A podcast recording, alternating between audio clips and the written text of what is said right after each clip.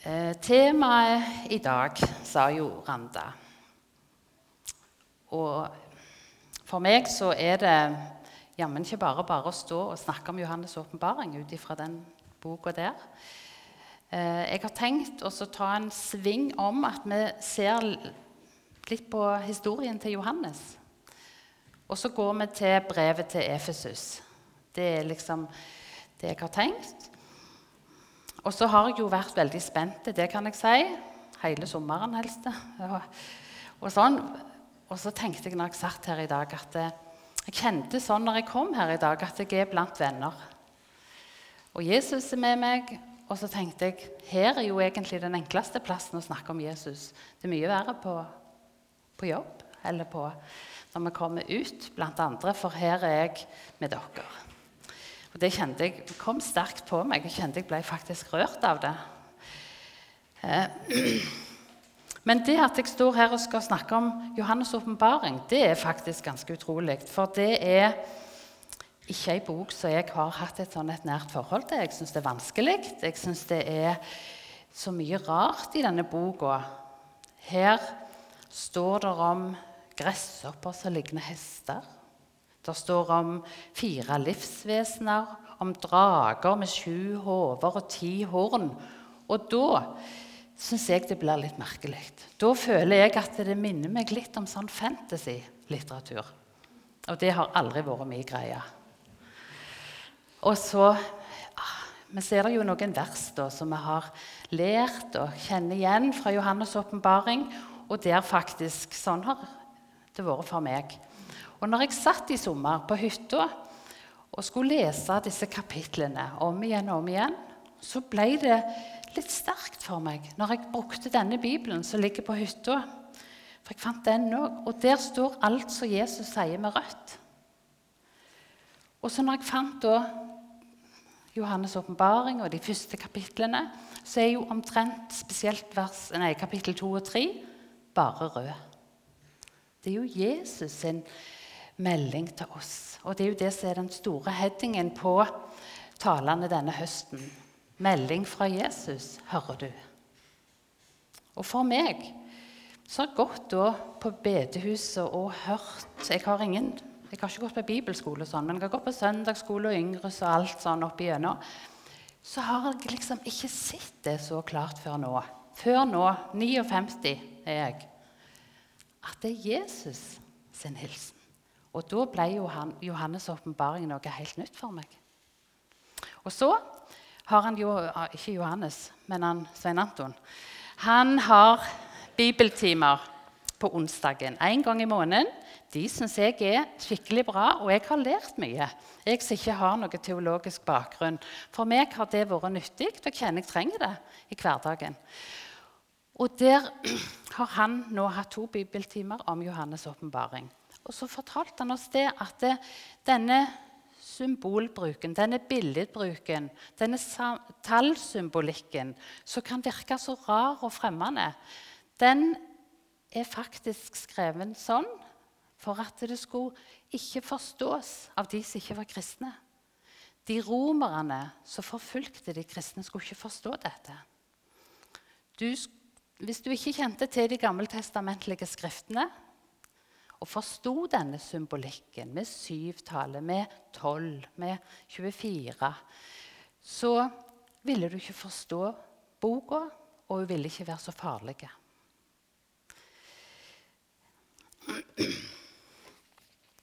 Og så var det Johannes. Hvem var han, denne mannen som fikk dette synet og oppdraget av Jesus? Jeg har skrevet at han var lydig. For han ble altså da sammen med bror sin Jakob kalt eh, Rett etter Jesus hadde kalt to andre brødre, Peter og Andreas. Så står det sånn i Matteus 4, 21-22. Da han gikk videre, fikk han se to andre brødre, Jakob, sønn av Sebedeus, og broren Johannes. De satt i båten sammen med sin far Sebedeus og bøtte garn. Han kalte dem, og straks forlot de båten og faren og fulgte ham. Ja, så sånn var det. Så lydige var Johannes. Han fulgte Jesus. Han hadde hørt om han på forhånd? Jeg vet ikke.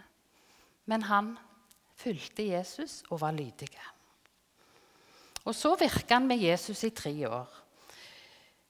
Han var der når Jesus gjorde sine mange under, store under. Fikk se og oppleve mye i lag med Jesus. Men han var òg der når, Jesus, når, alt så svart ut, og Jesus døde på korset. Og så fikk han møte den oppstandende Jesus flere ganger. Og han ble en av lederne i den første kristne menigheten. I år 70, sånn cirka da, da ble Jerusalem ødelagt. Og da ble de kristne spredt rundt forbi. Og da reiste Johannes til Efesus og virka der. Og Der får han oppleve store under og kirkevekst, men han opplever òg beinhard forfølgelse. Men Johannes har holdt seg i nærheten av Jesus. Det er noe som jeg ser når jeg har lest i evangeliene og i apostlenes gjerninger, så ser jeg dette at Johannes han holdt seg nær Jesus. Og Jesus, nei, jo, og Jesus han må jo ha hatt tillit til Johannes når han ber Johannes om å ta seg av mora Maria.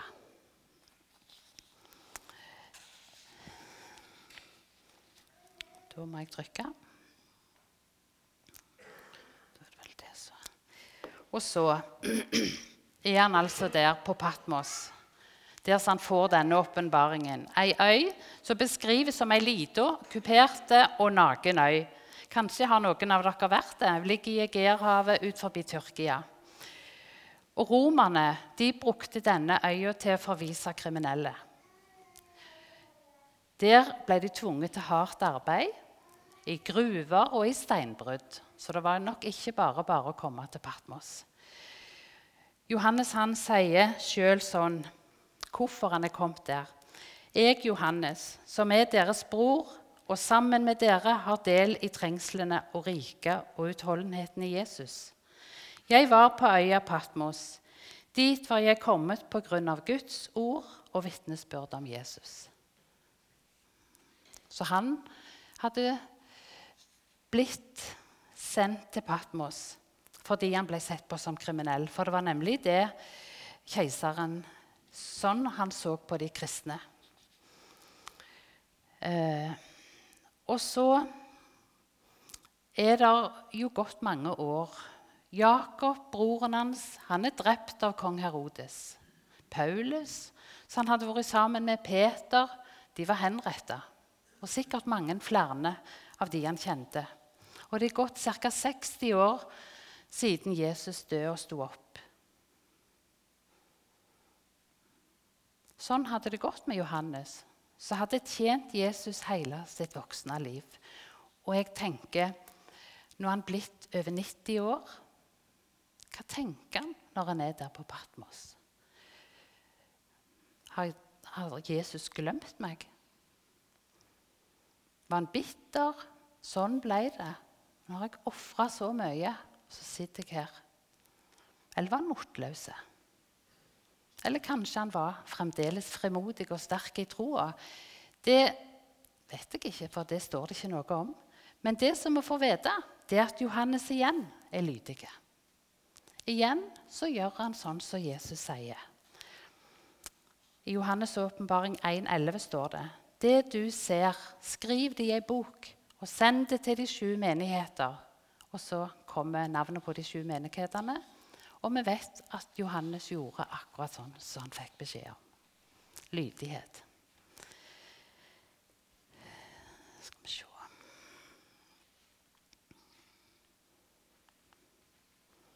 Men Johannes er ikke perfekt, han heller. Han var en velvillig og ivrig disippel. Han var der i Getsemane han var der når Jesus døde. Men han var òg en av de som ikke klarte å stå distansen helt ut. For han sovna jo i hagen. Han ble redd og motløs når Jesus var død, og var med og låste døra der oppe på den salen når de var redde for at noen skulle komme og ta de òg. Og I tillegg så kunne han være ganske pågående og frimodige på egne vegne. For hva syns dere om det som Jakob og Johannes sa til Jesus? I Markus 10, 35-37 så står dette. Vi vil at du skal gjøre det vi ber deg om. Jesus sa til dem, Hva vil dere at jeg skal gjøre for dere? De sa til ham, Gi oss at den ene av oss må få sitte ved den høyre side, og den andre ved din venstre side i din herlighet. Hm. Fremodig. Og du tenker kanskje på Det gjorde jeg. Tenkte ja. Det står jo om Johannes at han var disippelen som Jesus elska. Og det står i Bibelen, men det står der som han har, der som han har skrevet det sjøl. Eh, men jeg syns faktisk at det er fint å bli minnet om at Jesus kan og vil bruke mennesker som ikke klarer å stå løpet helt ut. Som sovner når de egentlig hadde tenkt å våge å be. Som kan være enten for høye på seg sjøl eller for ja, tilsynelatende unnvikende. I Bibelen er ikke det viska ut og sletta, for det passer seg ikke. Ta med det. Det er tatt med og viser at Jesus kan bruke og som ikke er feilfri. Og så står det her Johannes var blitt gammel. Han var blitt, blitt ganske gammel, godt over 90 år. Så han kjenner nok hver dag på at kroppen skranter. Likevel så var det denne forviste 90-åringen på Patmos som Jesus valgte seg ut. I Guds rike så er det ingen aldersgrenser verken opp eller ned. I Bibelen leser vi om Samuel, om David, og Maria, og de var jo bare barn og ungdommer når Gud kalte dem. Men denne gangen er det altså en gammel mann som Jesus kaller. I Guds rike så betyr ikke alder noe. Og det er i grunnen ingen som går av med pensjon i dette riket. La meg lære av Bibelen og vise både tillit, respekt og tro på alle aldersgrupper. Men for en opplevelse det må ha vært for Johannes å få se Jesus på nytt, ca. 60 år etter han så han sist.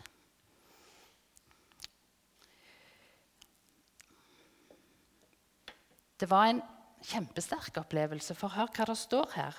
Da jeg så ham, falt jeg som død ned for føttene hans. Men han la sin høyre hånd på meg og sa, Frykt ikke. Jeg er den første og den siste og den levende. Jeg kan tro dette må ha gjort Johannes godt.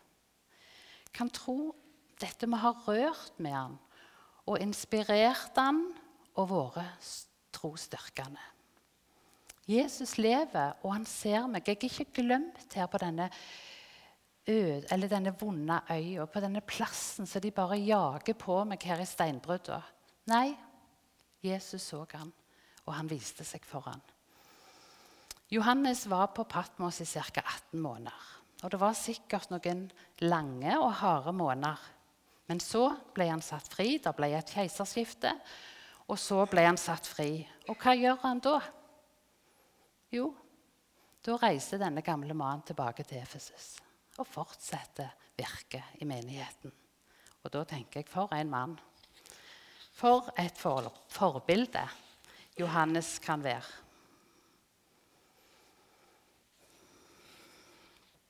Nå jeg bare sjekke litt. Og så er, det, er jo dette med i Bibelen for at det skal si noe til oss i dag. For det betyr, betydde ikke bare noe for de som levde da i ca. år 90. Men det betyr noe for oss i dag òg. For oss som menighet og for oss som enkeltpersoner. Gud vil ha en nær relasjon til meg og til deg, akkurat sånn som han ville til Johannes. Men kanskje så opplever vi det ikke sånn. Følelsene våre sier noe annet av og til. Kanskje føler vi oss som følelsesmessig på et Patmos. At Jesus er langt vekke, vi har det vondt. Vi møter vanskeligheter, og fortvilelsen kan være så stor at vi tenker Nei, Jesus, jeg vet ikke om du lever engang. Men så, for meg, når jeg leste i disse brevene, i disse tre første kapitlene, så kjente jeg Nei, Jesus, du lever. Det står der mange ganger i disse kapitlene. Og du er nær. Du har ikke glemt dine. Det har jeg lyst til du skal ta med deg. Han kjenner oss. Det står 'For jeg vet om dine gjerninger'. Det står om igjen og om igjen i disse kapitlene. Og så er jo det på godt og vondt. òg. Men vi trenger ikke pynte på noe for Jesus. Vi trenger ikke prøve å gjøre oss bedre enn vi er. For Jesus han avslører oss uansett. Nå skal vi lese det brevet til menigheten i Efesus, altså Johannes' en menighet. Skriv til engelen for menigheten i Efesus. Dette sier han som holder de sju stjernene i sin høyre hånd. Han som går omkring blant de sju lysestakene av gull. Jeg vet om dine gjerninger, ditt strev og din utholdenhet. Jeg vet også at du ikke kan tåle de onde. Du har prøvet dem som kaller seg apostler, men ikke er det. Og du har funnet at de er løgnere. Du har holdt ut, du har tålt mye for mitt navns skyld og ikke gått rett. Men dette har jeg imot deg. Du har forlatt din første kjærlighet. Tenk på hvor du sto før du falt. Vend om og gjør de gjerninger du gjorde før. Ellers kommer jeg til deg og tar lysestaken din bort hvis du ikke vender om. Menigheten i Efesus det var ikke en liten og ubetydelig menighet. For Efesus det var i grunnen den viktigste byen i Lilleasia på den tida. Det var godt over 200 000 innbyggere. Og menigheten hadde både fått undervisning og veiledning av Johannes, hadde virka der lenge, men òg av Paulus. Paulus hadde vært der i alle fall to år. Og vi vet jo at han skrev brev når han satt i fangenskap i Roma. Så skrev han brev til menigheten i Efesus. Og Efesus var et handelssentrum, og det var ei stor havn. Så jeg tenker nok at Paulus, misjonæren, han så eh, tenkte at dette var en god plass å være. Det var strategisk å holde seg en stund i Efesus. Så det er ikke så rart det at Paulus var der. Ikke bare var han der og Johannes, men Timoteus var der òg. Kjente bibelske personer, gode ledere, fikk denne menigheten ha. Og det har sikkert vært kjempebra for dem, men likevel, til tross for dette, så kom dette mennet. Mennesker kan komme på avstand fra Jesus. Vi har våre ledere. Vi har gode folk. Vi har en Johan... Vet du hva? Etter den bibeltimen så har jeg sagt Johannes til han Sven Anton flere ganger. Ja. Men vi har han Sven Anton, og vi har Solveig, som vi òg er veldig glad for. Men det er ikke noen garanti. Vi kan komme vekk avstand ifra Jesus. For strømmen går på en måte ikke mot Jesus i verden i dag. Men i dette så ser dere i vers 2 og 3 at Jesus han er ikke sånn at han ikke ser på de gode gjerningene. Han ramser de opp. De store og viktige tingene som de har fått til. Det snakker han om her. I dette korte brevet så velger Jesus at det skal vi. Det og det og det og det har dere gjort, og det roser jeg dere for. Jesus ser ikke smått på godt arbeid. Men så er det dette mennet. Men jeg har imot deg at du har forlatt din første kjærlighet. Og når jeg har sittet nå vet du, og lest om igjen og om igjen, så er det ting som begynner å arbeide igjen. Så var det en ting som slo meg når jeg leste dette, men òg noen av de andre brevene. Når Jesus taler til hver av menighetene, så snakker han ingenting om synder som menighetene har begått. Han nevner f.eks. ikke at Titus, du har vært utro. Simone, jeg så deg når du sneik til tre smykker. Eller noen dyre stoffer. Det står ingenting om det. Det som er tilgitt, det er glemt. Og her tenker jeg at disse sju brevene kan være en påminning om at fortidens synder det er ikke det som kommer mellom Gud og oss. Det er ikke det som skaper avstand. For Gud, han tilgir og glemmer.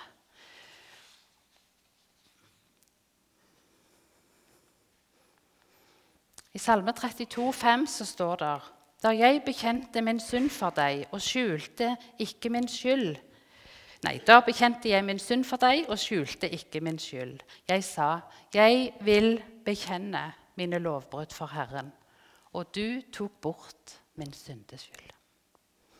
Hos Jesaja står det i 43, 25, jeg, jeg er den som utsletter dine lovbrudd for min skyld, og dine synder minnes jeg ikke. Og hos Mika, i kapittel 7, vers 19, så står det Herren skal igjen vise barmhjertighet mot oss og trå vår skyld under fot. Du skal kaste alle våre synder ned i havets dyp. Og På Stjernerøy, der mange liker å fiske, var det en av de gamle på bedehuset som sa og i den, det havet er det forbudt å fiske. Der er det gjemt. Er ikke det fantastisk? Er ikke det utrolig bra at det, vi skal slippe å tenke at Gud kommer med en streng pekefinger og sier, 'Kjersti, det du sa i går, det var grusomt stygt.' Og, og, og, at han kjente på meg og tok det fram igjen. Det du sa den gangen, eller det du gjorde. Men når vi kommer til Han og bekjenner vår synd, så blir det glemt. Og Da tenker jeg at den første kjærligheten, den vokser fram da. Den gleden over å være en tilgitt synder. Men har du ikke noe nært forhold til Jesus, så blir den kjærligheten kald.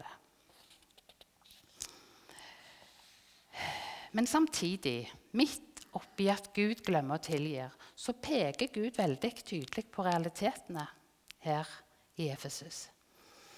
Og han er opptatt av det som er her og nå. Ikke på det som var, men på her og nå. Og da kjenner jeg det blir litt alvorlig, for jeg må tenke på hvordan er min kjærlighet til Jesus. Har han kjølna, blitt kaldere og sløvere? I Efesus hadde de opplevd forfølgelse, mye forfølgelse. Her i Sandnes her kan vi oppleve forførelse. Det er så mye som vil ta fokuset vekk. Menigheten i Efesus hadde vært et senter for misjon og evangelisering og vært i sterk vekst. Og vi bor i bibelbeltet, som de kaller det. Her er det mye godt arbeid. Men vi må passe oss så vi ikke forlater den første kjærligheten. For formaningen fra Jesus, den er klar. Um, kan gå tilbake. Nei, skal vi se. det står at eh, du må eh, vende om og gjøre dine gjerninger du gjorde før. Ellers så kommer jeg til deg og tar lysestaken bort hvis du ikke vender om. Det er jo veldig alvorlig. Når lyse, lysestaken blir vekke, så blir det mørkt.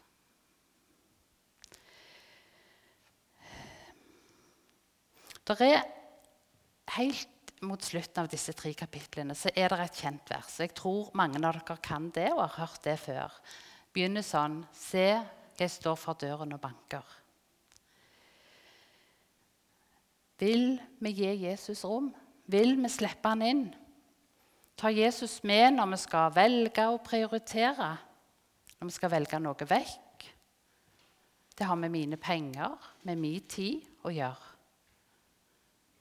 får Jesus komme inn og være med på de valgene. Se, jeg står for døren og banker.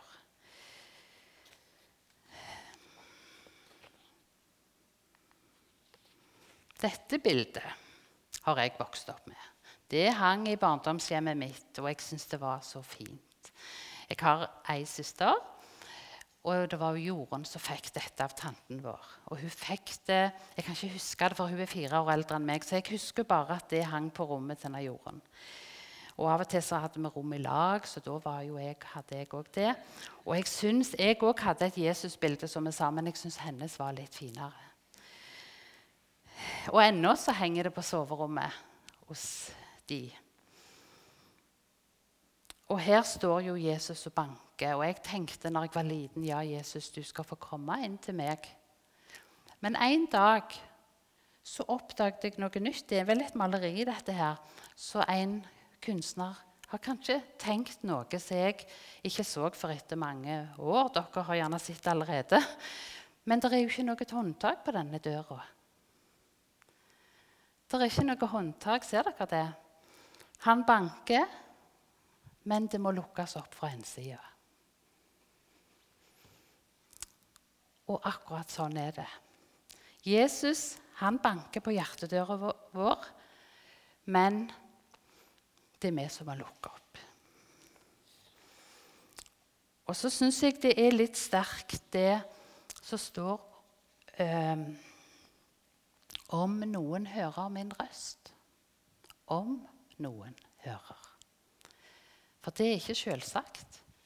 Og i disse eh, brevene til menighetene så står det om igjen Den som har øre, han hører hva Ånden sier til menigheten. Så det er ikke noe selvsagt det, at vi hører etter.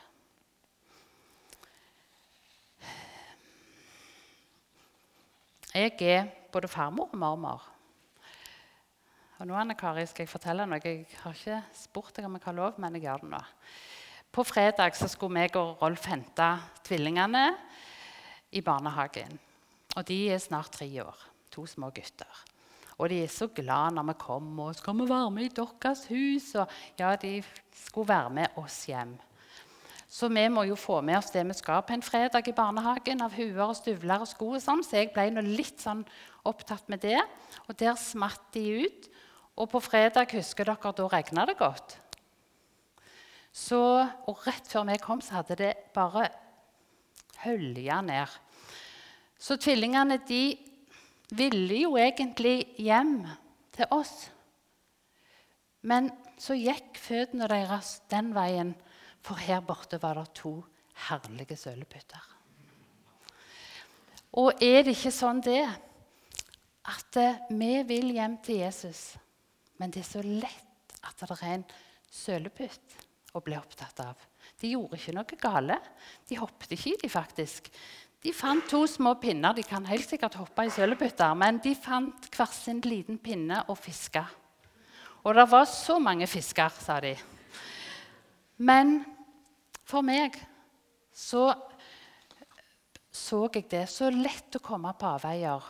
Og tror dere, at, tror dere at jeg ropte på dem? Jeg ropte 'Isak og Markus, dere må komme. Bilen er jo her borte.' Men de hørte meg ikke. For de var der på fisking. Så de hørte ikke mormor sin stemme. Så lett det er å bli opptatt av noe annet, sånn at vi ikke hører han som banker på hjertedøra. For tre uker siden så bankte det på hjertedøra til han Terje Madeland. Jeg har avklart dette med at jeg kan si det til han. Nei, at jeg kunne si det her i dag. For da gikk han fram når ordet var fritt, og sa noe som Gud hadde minnet han om. Og jeg syns det var så sterkt når han Terje gikk fram og sa det han sa. Og jeg tenkte nå har du, Terje, hørt når Jesus bankte på de hjertedør og, vi, og minte deg om noe. Da hørte han Jesus sin stemme, akkurat sånn som du Solveig, sa på samlingsfesten. Vi må være litt rolige, og la ordet bo rikelig iblant oss, som det står i Kolossene 3,16. Vi må ha tid til, til Bibelen og lese Guds ord og bli påvirka av det. Vi må ikke bare passe på sånn som her i Efesus. De hadde passet på at ingen på løgnerne og, og på den rette læra. Ikke sant? Det var jo bra, det. Men forholdet til Jesus er det viktigste. Vi må ikke passe sånn på alle andre at vi glemmer sjøl å ha et nært forhold til Jesus.